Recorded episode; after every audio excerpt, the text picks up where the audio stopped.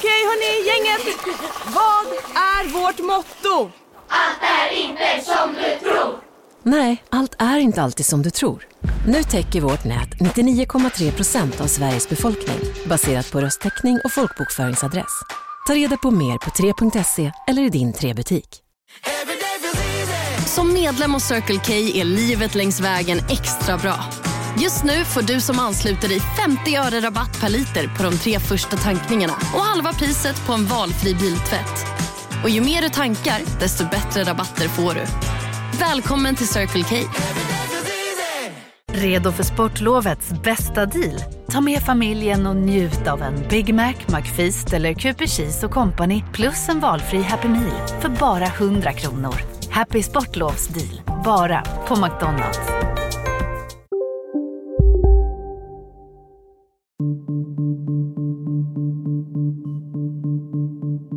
Lobbyisterna var ju duktiga på att få debatten att handla om företagets villkor, inte hur man ser till att pengarna stannar i skolan för att hela tiden förbättra kvaliteten. Ja, det är precis så här lobbyisterna säger som du gör nu. Ja, Och nej, men vad, är, jag- jag- vad är felet i din argumentering? Nej, det, det, jag säger inte att det, det Nej, men jag det är kan tala om vad felet är i din ja, ja, Det ska argumentering. du snart få göra, Ja. men min fråga först bara. På något sätt så kändes det som att här ville man ha en sån debatt för att på något sätt eh, få bort diskussionen om vad som hände i kriget i Gaza. Han var Malmös ledande politiker i nästan 20 år och bidrog starkt i Skånemetropolens omvandling från industristad på dekis till dynamiskt kunskaps och kulturcentrum. Samtidigt stridbar och inblandad i många kontroverser om trakasserierna av Malmös judar, om invandringen och nu senast om hans utredning om vinster i välfärden. Dras den forne attackdykaren Ilmar Reepalu rent av till striden? Ilmar Reepalu, varmt välkommen till fredagsintervjun. Tack så mycket. Det där med attackdykare, det stämmer eller hur? Det stämmer bra, ja. När gjorde du din senaste repövning? När jag var 42 eller 43 år. Det var någon gång slutet på 80-talet. Men det var rätt hårda bud va? Det var väldigt spännande och trevligt, ja. Eh, om vi börjar med din stora politiska gärning då som kommunstyrelsens ordförande här i Malmö. Eh, vad är du mest stolt över att ha åstadkommit under de nästan 20 år som du ledde den här stan? Att i en, när en stad är i en situation där på något sätt eh, luften har gått ur stan totalt. Industristan som har tappat varför man finns. Industrierna läggs ner, arbetslösheten skyhög. Underskottet i budgeten är högsta som någon kommun någonsin har haft. Och så vinner vi valet och får egen majoritet. Och att i det läget inte då liksom hamra igenom hur politiken hade varit med enbart socialdemokratiska ögon utan faktiskt säga att nu måste vi kraftsamla. Nu måste vi se till att vi sluter samman här oavsett om man företräder näringslivet, om man företräder media eller om man företräder olika politiska inriktningar. Så det handlar om att bygga en gemensam vision. Vad vill vi vara om 10-15 år? Och så bjöd vi in visionsgrupper från de här olika delarna till att forma Malmö som kulturstad, Malmö som miljöstad, Malmö som kommunikationsnod. Och så byggde vi upp då, hur ser de här visionerna ut? Och sen satte vi igång att arbeta med det också. Så det var långsiktigt och, och det låter som att du tycker då ganska offensivt. Långsiktigt och offensivt men i det, fall man ska arbeta på det här sättet så måste det finnas delar som man kan göra relativt snabbt. Och en sån del som var väldigt viktig i det här det var ju att få igenom att Malmö skulle få ett nytt universitet. Det var en av nyckelfrågorna för vi hade en låg utbildningsnivå hos eh, de som jobbade eller bodde här i Malmö. Vi var en industristad som hade tappat industrier. Kunde man få en ny utbildning här till Malmö? Och det här byggde jag mycket på samtal jag hade med Jan O Karlsson. Jan O Karlsson gjorde en fantastisk utredning som heter Storstadsutredningen. Och den egentligen var, man dömde ut den gamla regionalpolitiken. Man sa det här med att transportstöd till eh, industrier i Norrland eller i inlandet, eh, stöd för att bygga nya industrier, för- att eh, bygga fabriker och byggnader. att det fungerade bara så länge arbetslösheten var väldigt hög. Så fort man hade fått ordning på det, då drog industrin därifrån mm. när stödet försvann. Och det, hans slutsats var att det mest bestående var att satsa på ordentligt med utbildning för att på det här sättet både attrahera företag dit, för där finns det välutbildad arbetskraft. Välutbildad arbetskraft som är ganska billig när de är nyutbildade. Där kommer alltså universitetet och Där kom diskussionen med att vad gör vi med Malmö? Vad gör vi med Norrköping? Och sen för att få majoritet i riksdagen så måste vi göra någonting i Stockholm också. Mm. Och då gäller det att hänga på Södertörn på det här konceptet också. Mm. För att få tre stycken nya sådana här utbildningsställen som skulle innehålla då både det tredje uppdraget, hur man arbetade mot det lokala, regionala näringslivet. Men självklart som ett universitet. Men det här var kanske en av de viktigaste delarna. Sen var det att vi hade fått ett brobeslut. Hur skulle vi se till Öresundsbron. Öresundsbron. Öresundsbron som från början var en nationell, internationell kan man säga, förbindelse från Oslo och Göteborg över via Danmark ner till det tyska motorvägsnätet. Från Stockholm på samma sätt till att faktiskt göra det här till en regional förbindelse.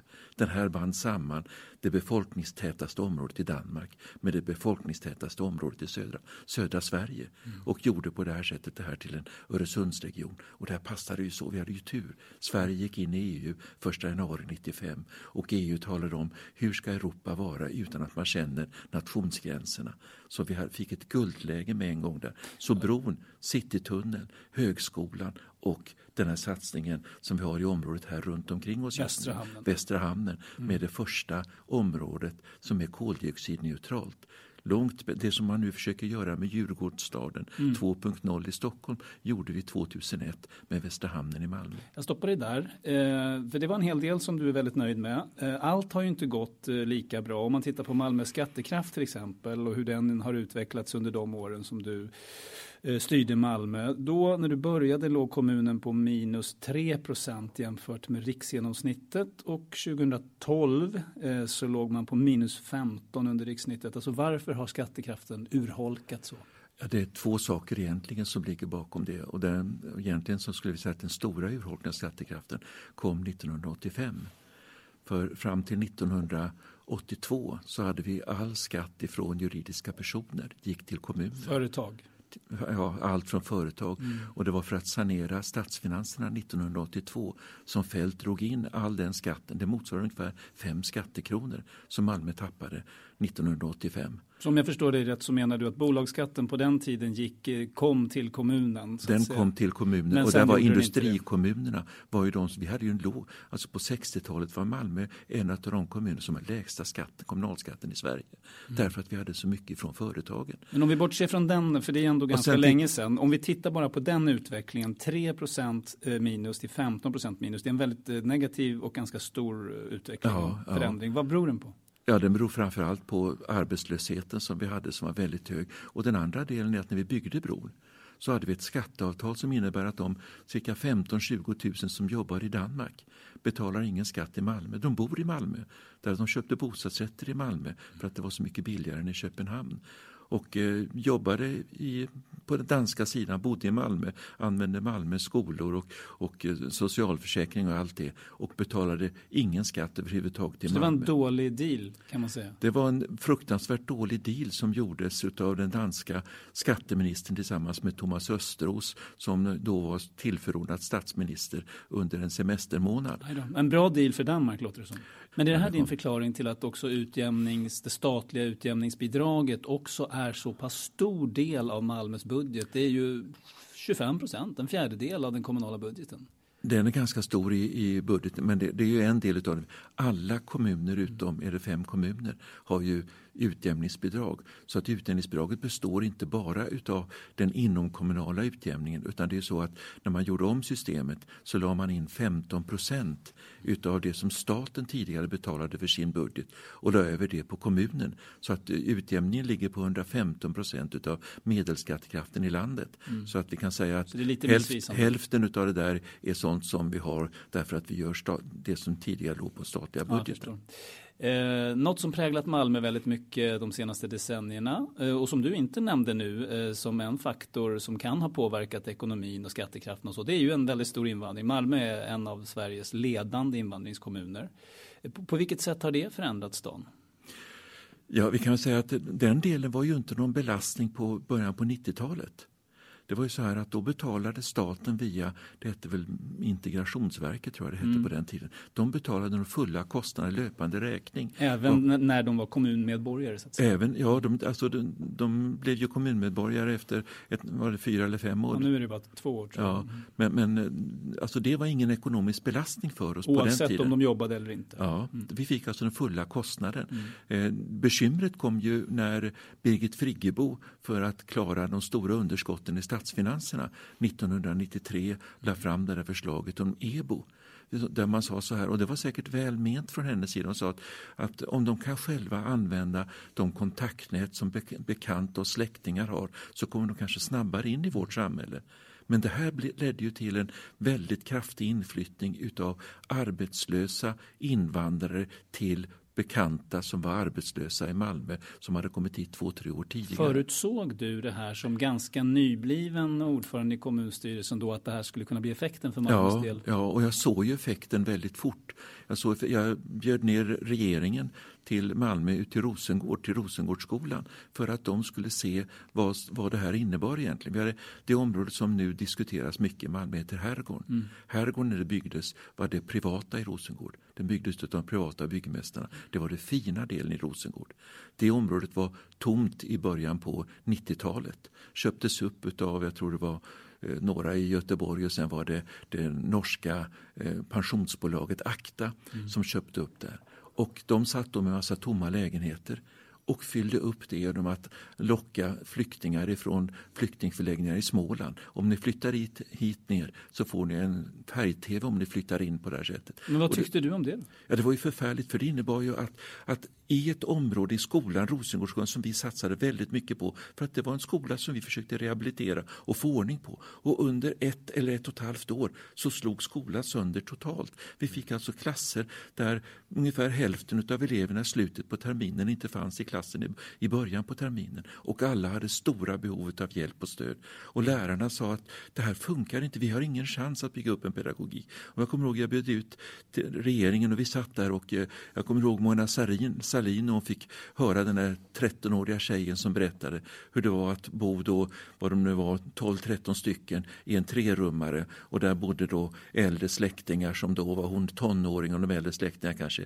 30-årsåldern och hur hon inte kunde sova på natten, kunde inte läsa några läxor och eh, hade sina kläder i en pappkartong på balkongen och sådana saker. Men det här var ju då problem som du såg väldigt tidigt uppenbarligen. Och, och uppvaktade om det här. Men varför har du haft så liten framgång? För jag har ju sett massor av debattartiklar där du har sagt stoppa EBO och ja. sådär. Varför, varför har du aldrig lyckats uh, göra det? det? Det, här är, det här är sorgligt verkligen för att uh, jag fick Göran Johansson med för han såg precis samma sak i Göteborg. Mm. Göteborg gjorde man så här för att bromsa det här i Göteborg så tog man ju stora bostadsområden tog ut eh, eh, uh, spisar och sa att de här lägenheterna inte är uthyrningsbara för att stoppa den här kraftiga invandringen till områdena. Vi drabbades hårt av framförallt det här norska mm, pensionsbolaget som ju på det här sättet fyllde upp hela området och sen betalar kommunen över socialbidragen, betalar bostadskostnaderna. Men likväl, alltså, jag förstår att man inom lagens ramar så att säga, egentligen inte kan eh, vara hur olydig som helst. Men om du kollar på Hultsfreds kommun eh, i samband med den så kallade flyktingkrisen, där satte ju de stopp. De sa vi betalar inte. Vi betalar inga socialbidrag eh, till folk som kommer från och med detta datum. Hade du, sett i backspegeln, kunnat vara så offensiv eller aggressiv för att, för att skicka en väldigt stark signal? Jag, jag försökte vara offensiv. Alltså du ska ju veta att eh, när vi, vi hade en situation som såg ut så här. Att vilka är det som kommer till Malmö nästa vecka? Vi frågade Migrationsverket. Nej, det är hemligt, det får inte ni veta. Utan istället var det socialbyrån som på morgonen hade en kö som stod utanför socialbyrån. Nu har vi kommit till Malmö och vi har ingenstans att ta vägen. Vi måste ha hjälp och stöd för att överleva. Men de söktes väl hit via EBO eller? Precis, och Migrationsverket kände, då hette det Integrationsverket och Mona Sahlin var ansvarig minister, de kände till det här. Det här gjorde ju att man avbördades kostnader från den statliga budgeten. Alla de som flyttade hit på det här sättet innebar att det blev en kommunal kostnad och inte blev en kostnad. Staten hade ju då ett stort bekymmer med sitt underskott. Så svaret på frågan, hur hårt hade du kunnat gå fram om du nu såg att det här inte var en bra utveckling? Jag försökte få en information. Jag sa, kan vi inte göra så att ni åtminstone informerar oss före så vi har en chans att planera där. För då hade vi kunnat tala om hur kommer det se ut nästa månad, månaden efter det. Då hade vi kunnat liksom förbereda oss för Mm. och på ett sakligt sätt kunna föra diskussionen med staten. Men detta ansåg man att det här var integritetskränkande så att därför skulle inte vi få reda på det. Men om man då tittar på återigen hur effekterna har blivit när det gäller städer som Malmö, Botkyrka, Södertälje. Som, som blir, det blir som att när det väl har kommit ganska många så via EBO så kommer det väldigt många fler och ni har ingen av er har liksom förmått att stoppa det här. Eh, Det, det är ju ganska svårt att inte se parallellen mellan Malmös roll i Sverige och Sveriges roll i EU. På något sätt är det lite samma grej.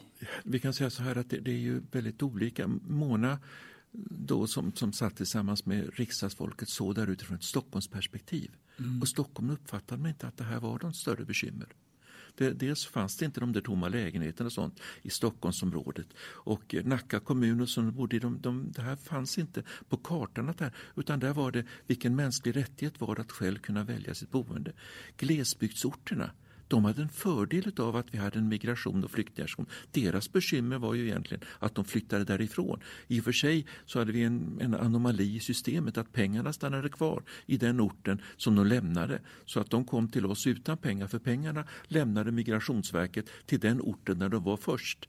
Och sen kom de till oss och skulle då gå in på vårt socialbidragssystem. Men apropå signaler, eh, en sak som är lite konstigt då om ni ändå ville försöka stoppa den här strömmen att ni har ju under stora perioder eh, genom försörjningsstödet beviljat egentligen mer än vad ni behöver. Det har varit bidrag till datorer och det har varit fritidsbidrag och sånt där. Är inte det ett exempel på att man på något sätt skickar signalen att i Malmö om du inte kan jobba så har du det bättre än i många andra Vi kommuner? hade inte något sånt på den tiden. När började det då?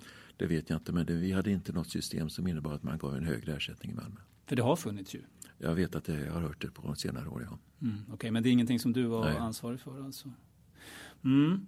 Eh, 2011 gick du ut med ett förslag som du fick väldigt hård kritik för som din dåvarande partiledare Håkan Juholt till och med tog avstånd ifrån. Eh, du sa någonting i stil med det här att eh, man skulle kunna införa ett villkorat medborgarskap för invandrare. Eh, under en ospecificerad tid skulle man då kunna dra tillbaks medborgarskapet och utvisa personen om den eh, begår kriminella handlingar. Eh, står du fast vid den idén? Alltså det, det här var ju ett, en, ett hugskott mera kan man säga. Utgångspunkten var så här. Hur ska man se till att vi, vi tittar lite grann på Kanada som modell. Hur kan vi se till att människor snabbare får de rätt, medborgerliga rättigheterna i vårt samhälle? Kan vi se till att man inte väntar fem år för att få medborgarskap? Kan man få ett medborgarskap under två, redan efter två år som det är i Kanada då för vissa grupper som kommer till Kanada? Men att man då har kvar sitt gamla medborgarskap under en övergångsperiod och har dubbelt medborgarskap, vilket man tillåter i väldigt många länder att ha. Och under den perioden så skulle du, ifall du begår ett brott som är så allvarligt att det, vad det nu kan vara, leder till om det är fyra eller fem års fängelse, alltså riktigt grova våldsbrott eller narkotikabrott, då ska du faktiskt kunna utvisas Och det tycker till du det fortfarande? land Nej, alltså det, vi kan säga så här att eh, man hade kunnat utreda och sett om det var möjligt. När jag nämnde det första gången så hade jag inte tittat på Genèvekonventioner och andra sådana här delar i det. Så att eh, vi, vi kan säga att eh, det var ett spår för att hitta ett sätt att faktiskt göra det lätt, lättare för de som sköter sig att snabbare komma in och bli integrerade i vårt samhälle. Det var den stora positiva effekten. Och samtidigt faktiskt kunna se till att de som var allvarligt misskötte sig skulle man faktiskt kunna skicka tillbaka till de länder de kommer ifrån. Det här är ju samma problematik som vi har med, med IS idag. Alltså de som nu har varit där nere, för de har dubbla medborgarskap så ska de bli, komma tillbaka och bli medborgare i vårt samhälle efter att ha krigat i Syrien på, på Daeshs sida. Ja, vad tycker du? Ska de det? Nej, jag, jag, jag tycker att eh, jag, jag kan inte se att de har en rättighet att komma tillbaka till vårt samhälle. tycker de har förbrukat den rättigheten. Vi lämnar eh, det spåret och byter ämne till eh, det delbetänkande som du presenterade i november 2016. Eh, det handlar om vinster i välfärden och reaktionen blev närmast ett ramaskri från både näringsliv och från borgerligheten. Var du beredd på det? Jag var väl beredd på att de grupper, framförallt de företagare som har haft intressen i den här branschen och faktiskt kunnat tjäna väldigt stora pengar väldigt lätt. Att de skulle reagera när jag visar att, att eh, eh drygt 5 miljarder i övervinster. Såklart att eh, har man en sån situation så är, det, så är det mycket intressen som finns för att vilja fortsätta med en sån situation. Så det var väl väntat. Eh, jag var, hade väl förstått också att det skulle vara väldigt mycket lobbyister som skulle komma in, för det kände jag under utredningstiden också. Jag hade ju med i referensgruppen representanter från vårdföretagarna, ifrån från eh, friskolesidan och det här, så att jag visste ju deras uppfattning i, i frågan. Men jag visste ju samtidigt att eh, ungefär 70 procent av svenska befolkningen anser att de skattepengar som vi skickar in för att ge så bra kvalitet som möjligt i skolan, så bra kvalitet som möjligt i äldreomsorgen, inom sjukvården, att de pengarna ska användas till att ge så bra kvalitet som möjligt. Om, om vi bara tar det mest grundläggande, varför är det överhuvudtaget egentligen ett problem om företag i välfärden gör stora vinster? Ja, det är vinstdrivet som är problemet. Varför? Ja, vi säger så här att, att eh, ja, om vi tar skolan som verksamhet som exempel. Så, så självklart är det så att skolans uppgift är ju inte bara det här med att du som enskild person ska klara att gå igenom en utbildning med höga betyg. Det är faktiskt också ett samhällsuppdrag som vi har där samhället utbildar de som behövs för de olika uppdragen i samhället. Och kanske det viktigaste, att skolan under den 12-åriga obligatoriska perioden lär människor att både förstå och respektera mänskliga rättigheter, de grunder som demokratin i vårt samhälle bygger på. Jo, men om de Hela gör det, den de, om de gör det och dess, jo, bättre, den, vi säger att de gör det lika bra eller bättre än offentligt drivna skolor, om vi tar skola som exempel och dessutom gör en stor vinst, övervinst då som, som mm. du eh, kallar det. Vad är problemet? Problemet är väl så här att eh, när man införde de här modellerna på 90-talet så var tanken att ja, det var ju återigen nedskärningar i riket för att klara underskottet i statsfinanserna. Och det var en väldig diskussion om de, framförallt glesbygdsskolorna. Måste man lägga ner Drevdagens skola när de som jobbar på skolan säger ge oss samma pengar som kommunen hade förut. Vi vill driva den vidare, vi klarar att göra det. Det var så det började. Ja. Så började mm. den här. Men om vi tittar sedan, vad hände då? Ja, Sverige hade en skola som på 80-talet var känd och faktiskt första halvan på 90-talet, fram nästan hela 90-talet var känd i hela Europa. Där man vallfärdade hit för att titta på, här har vi en likvärdig skola där skillnaderna i resultat mellan olika skolor är ganska små, minst i världen i OECD-länderna. Skillnaden mellan eleverna är små. Det är så nära en likvärdig skola man kan ha det. Och så här långt så var det här riktigt bra. Vad hände sedan efteråt?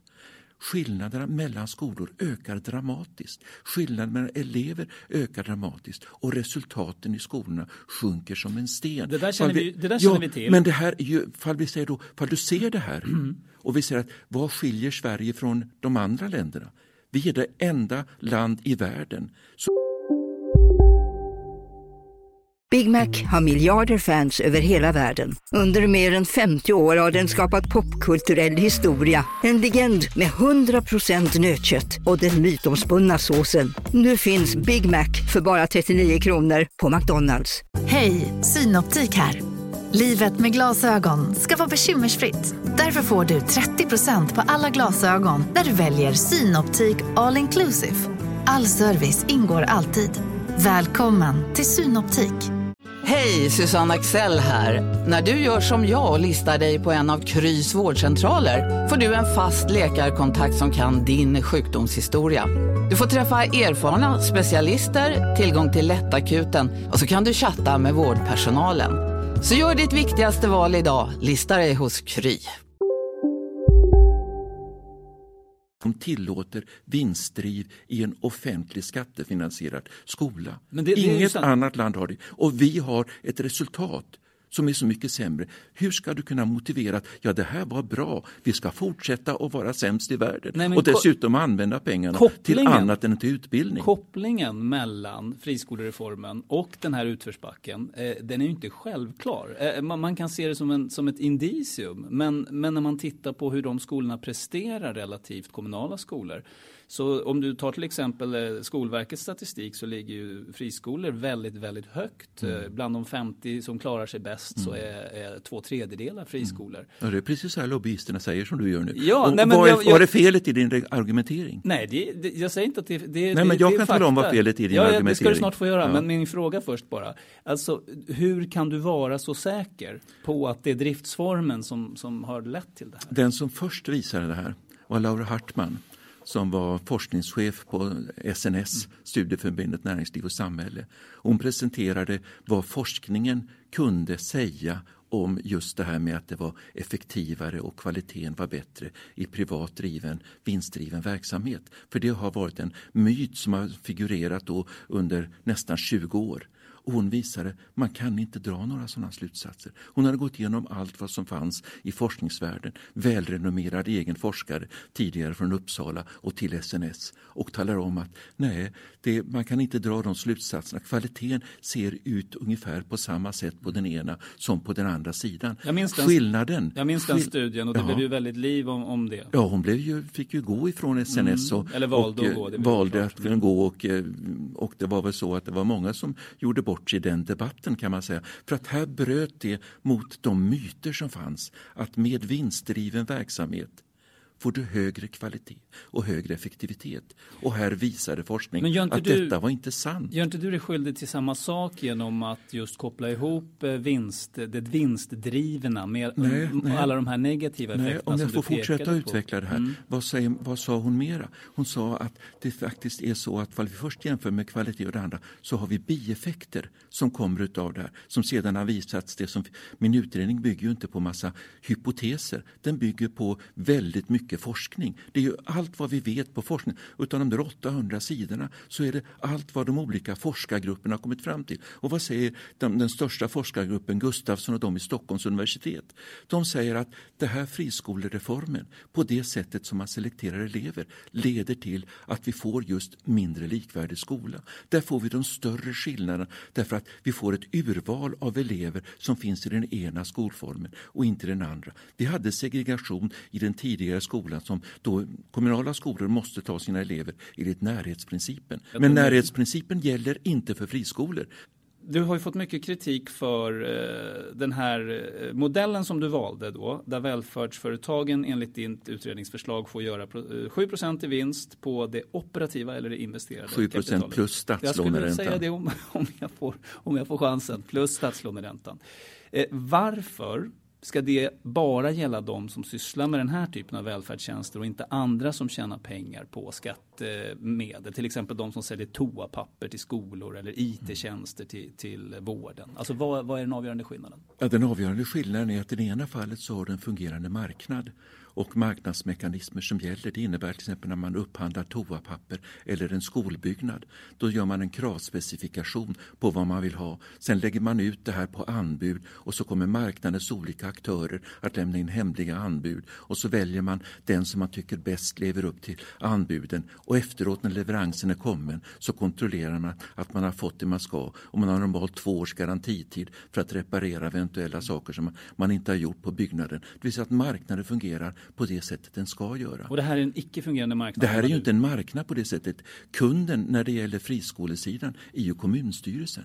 Det är ju inte den enskilda personen som gör avvägningen mellan kostnad och kvalitet. Och, och det här är en upphandling där friskolan, du kan inte ställa några andra krav på friskolan än det som finns i lagreglerat i skollagen. Mm. Det är en ganska generell trubbig lag. Kunden, eh, alltså föräldern till eleven eller patienten, de har ju åtminstone eh, förfogar ju över verktyget att, att själv välja utifrån kvalitet eller andra preferenser. Så den delen av marknaden funkar väl ändå, eller? Ja, men de är ju inte kunder. Det är ju inte så att de gör uppoffringen att jag väljer, jag tar det där till en högre kvalitet så jag betalar en högre kostnad. Det är på något sätt grunden för vad marknad är. I min utredning så talar jag om det här som nationalekonomerna kallar det för kvasimarknad. Att här fungerar inte marknadsmekanismerna. Och där, vad ska vi ta för någonting i om vi säger att ska mäta, sjukvården är inte med nu i fortsättningen, jag har förstått av regeringen, men det är väldigt lätt att mäta antal läkarbesök. Men hur mäter jag kvaliteten i besöket? Alltså här blir det genast, fick jag den hjälp jag skulle ha eller, eller ja, jag fick ett nytt besökstid eh, för att komma tillbaka om två veckor igen. Jag som kund är, vet inte någonting igen, jag är ungefär lika prisgiven. Ja, du, har, du har gjort en väldigt tydlig poäng. Får jag, får jag fråga dig då, varför blir du inte lika provocerad av att eh, offentligt driven verksamhet gör, eh, producerar de här tjänsterna, om vi kallar det så, Eh, till en högre kostnad än de privata. Eftersom de, de privata då lyckas göra, som du sa, 5 till 6 miljarder i övervinster. Man kan lika gärna se det som att de, de offentliga då går miste om lika mycket pengar på grund av ineffektivitet eller vad det nu är. Ja, men det är ju inte sant för återigen om vi tittar på de utredningar, vad forskningen visar, är att om man, jäm, om man jämställer eller, eller korrigerar för sociala bakgrundsfaktorer, då får vi inte de där skillnaderna i effektivitet. Då blir det inte skillnader i kostnader. Nu pratar du elever i första hand eller Nej, patienter jag, också? Ja, vi kan ta, ska vi ta det här som man, som man använder så väldigt mycket från svenskt näringsliv, det där vårdboendet i Östersund. Mm. Där vi hade ett, ett, två stycken äldreboenden, en som skulle drivas i kommunal verksamhet och en, en likadan som skulle drivas av, jag tror det var Attendo som det. skulle driva den. Och sen så utvärderar man efter ett år och så kommer man fram till, titta här, och Svenskt Näringsliv körde ut det här då, 20 procent eller vad det var, 23 procent billigare i privat regi mm. än i kommunal regi. Titta så mycket effektivare de gör det. Och sen analys, började man analysera och titta vad var, vad var skillnaden. Då såg man det att, att eh, det var något dyrare, även om det var, skulle vara samma lokaler så var det lite större personalutrymmen och sånt i den kommunala. Men det handlade om någon procent bara. Men den stora skillnaden var att det var 22 procent mer vårdtid per vårdgivare i den kommunala än i den privata. Mm. Vad var skillnaden? Jo, man hade gjort där så att man mätte hur mycket personal man har på morgonen när man ska ta upp och tvätta och ge mat och såna här saker och hur mycket personal man har när man motsvarar sånt på kvällen. Där hade man full bemanning, lika mycket på båda ställena. Men den privata tog in det som timanställda. Eh, Östersund är en studieort, man kunde ha mycket studenter och sånt som, som var inne på den delen. Och det innebar att den där tiden emellan, när man säger att här ska vi ha guldkanten i tillvaron, här ska man kunna läsa med dem, här ska man kunna gå ut och handla, allt det där andra, det rymdes inte i det, men man hade inte satt det som ett villkor. Men eh, det, förnekar du också då att eh, Skolverkets SALSA-rapport visar, också justerat för sociala faktorer, att friskolorna faktiskt har lyckats inte bättre? Att de, inte att de generellt har lyckats Nej, men bättre, de men det, finns, de det, finns ett, det finns ett antal, utan tvekan, det finns ett antal kommunala som också är väldigt bra förstås. Men, mm. men eh, om du tar det här med, med skolan och den skoldebatten som den har varit då, så kan vi säga att ja, vi kan väl inte vara stolta över reformen för den har lett till så här mycket sämre resultat utifrån likvärdigheten i skolan. Nej, om, det nu sen är den som har, om det nu är den som har lett till det. Nej, vi, ja, vi kan, den, men sen kan vi titta på andra saker. I skolan har talat om att läraren är den viktigaste personen och den viktigaste personen ska ha rätt utbildning. Och så tittar man då på Kunskapsskolan som då har, 86, eller de har 76 procent utav lärarna som har behörighet i ämnena de kommunala skolorna 86 procent. De har alltså mindre behöriga lärare kan på det här sättet betala lägre lön men har precis samma resultat i skolan. Och tittar man sen på om man gör en sån där enkel tabell, ja, jag kan visa en sån tabell som ser, som ser ut ungefär så här att i ena ändan vi har kostnad per elev. I ena ändan så har jag kostnad per elev på elever som har inlärningssvårigheter. Där ligger kostnaden på ska vi säga 3A och i andra ändan utav alla eleverna så har vi de som har lättast att lära. Där är kostnaden A en tredjedel av kostnaden och genomsnittet ligger då på två och mitt emellan. Så ser det ut i massa kommuner och de har inte korrigerat ersättningen, någon sorts skolpeng utifrån den här delen, utan ersättningen är genomsnittsersättningen.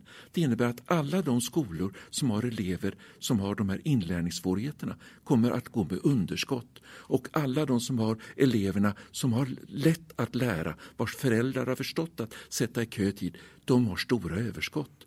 När du ser att du har ett ekonomiskt ersättningssystem som ser ut på det här sättet, då har du skapat stora bekymmer. Så skolpengens utformning och inte det fria skolvalet, för det tycker jag är bra, men däremot vinstdrivet i skolan. Det är skillnad när en liten skola med lärarna tar över och driver verksamheten med samma pengar mot att en koncern äger skolan och koncernen är, ligger på börsen och där de, deras verksamhet mäts utifrån hur börskursen utvecklas. För de som har Men, satsat pengar där, de satsar inte pengar på utbildning. Friskolornas riksförbund som ju är en, en, en slags lobbyorganisation som du beskrev, de eh, tittade ju på det där eh, och hävdar eh, och visar också i tabellform att de icke vinstdrivande skolorna de har en högre andel personer från rika familjer än vad de vinstdrivande har. Vilket ju skulle tala i så fall emot den där tesen om de nu har rätt i detta. Eh, alltså non-profit-skolorna har mera rika elever och mera kanske då lättlärda elever enligt ditt resonemang. Ja, alltså, man måste alltid titta under ytan när man tittar på sådana saker. Jag gissar att här ligger väldigt mycket av Montessori-skolor och annat som, lock, som lockar då eh, kreativa föräldrar och andra. De vill att deras barn ska gå i den här typen av skolor. Jag har inte haft något bekymmer med att vi har haft Rudolf Steiner-skolor och Montessori-skolor som ett alternativ till kommunala skolor. Jag tycker det är bra att vi har det nu i fortsättningen också.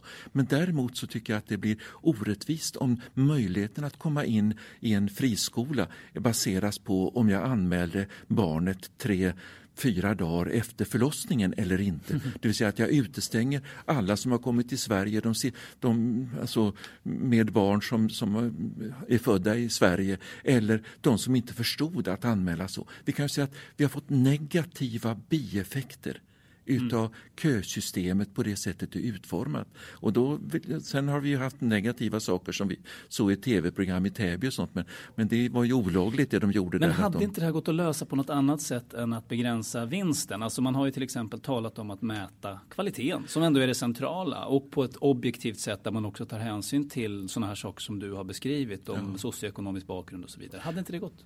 Jo, det, det, det kanske hade gått men inte lika bra.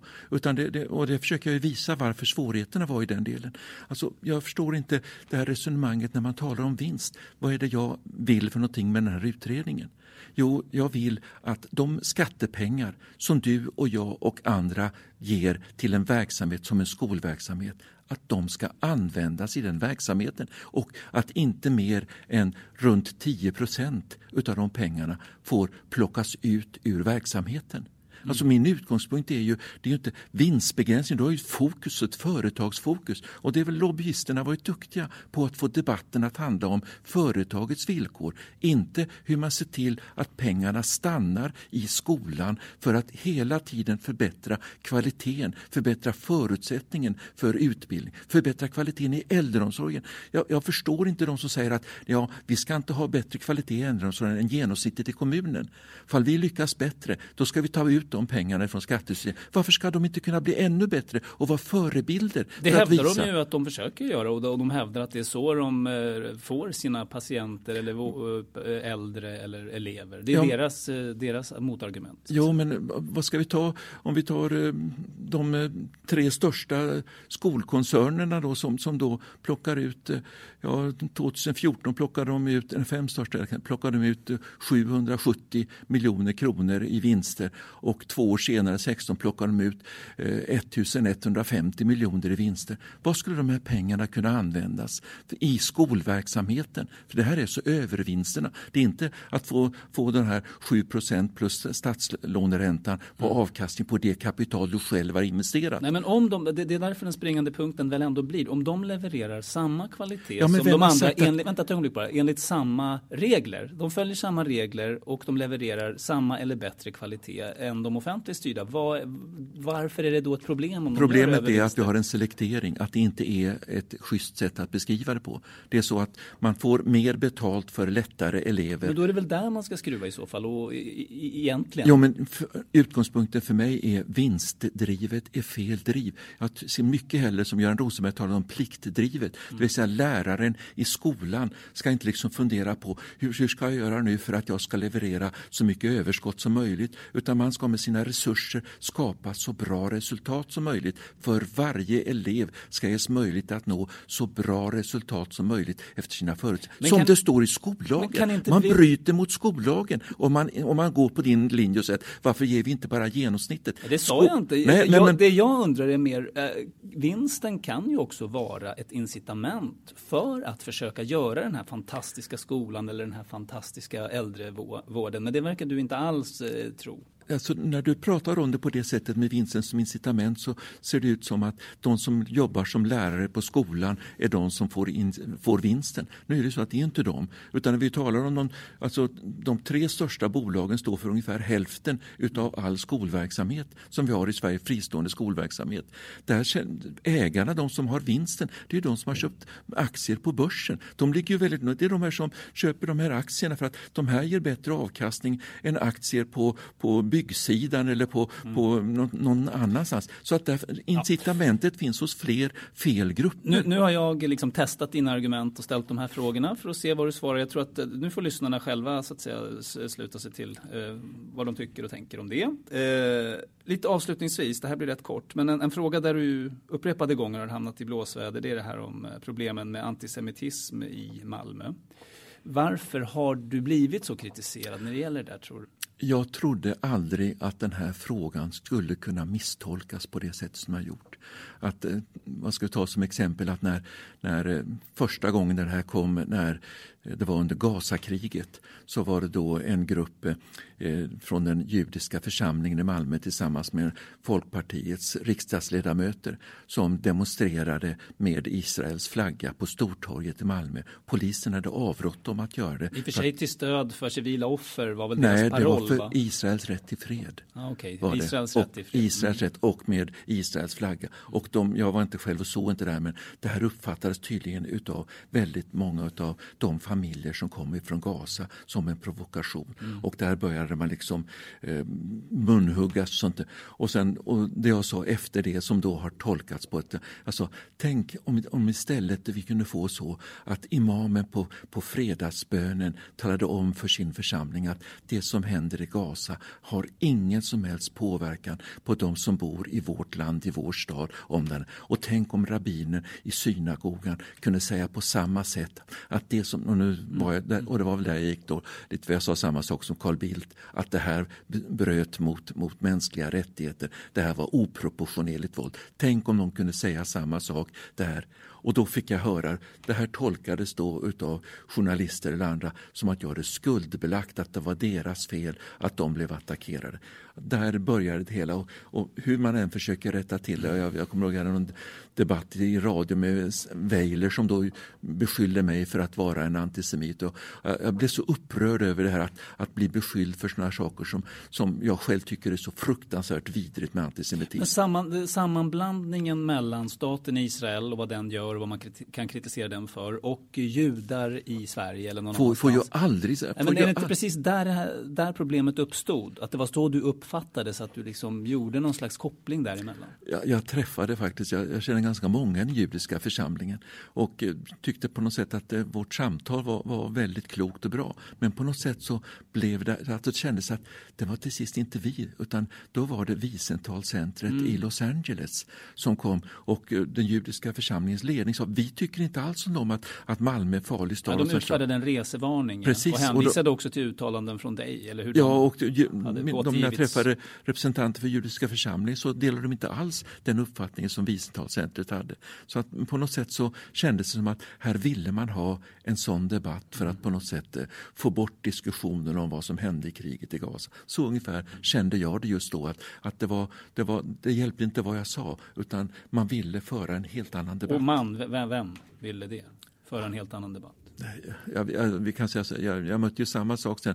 Jag fick tillgång till via, via Säpo ett material om hoten som var mot judiska församlingar i Europa. Det kom från London det och där deras analys var vi kommer att ha nu en ganska hård hotbild mot, mot våra församlingar på grund av Gazakriget och det är det som smittar över på den här delen.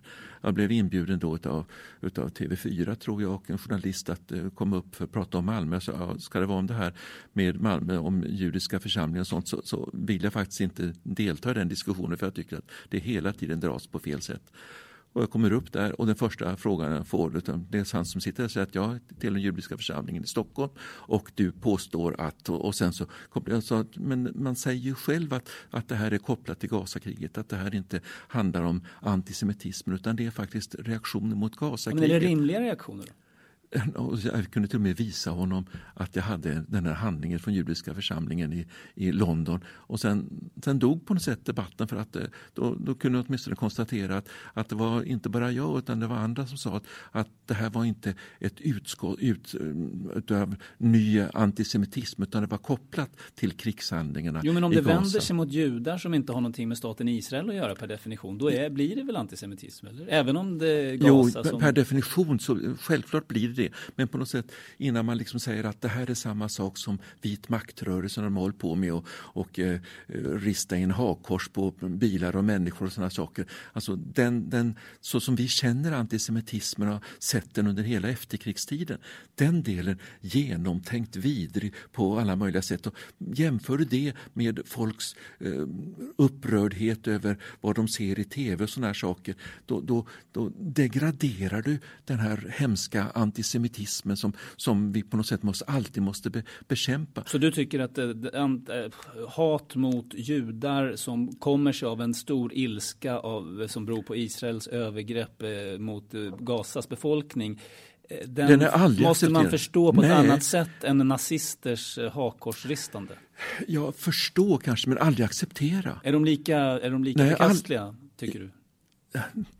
Självklart är att människor som utsätts för hat för vem man är, för den hudfärg jag har, för vilken religion jag har, var jag kommer ifrån. Detta är lika vidrigt oavsett vem det är som utsätts för den här delen. Självklart är det på det sättet. Vi låter det bli ditt sista ord i den här intervjun. Ilmar Reepalu, eh, tidigare kommunstyrelsens ordförande i Malmö och välfärdsutredare, eller vinster i välfärdsutredare kallar jag det. Tack för att du var med i fredagsintervjun. Tack.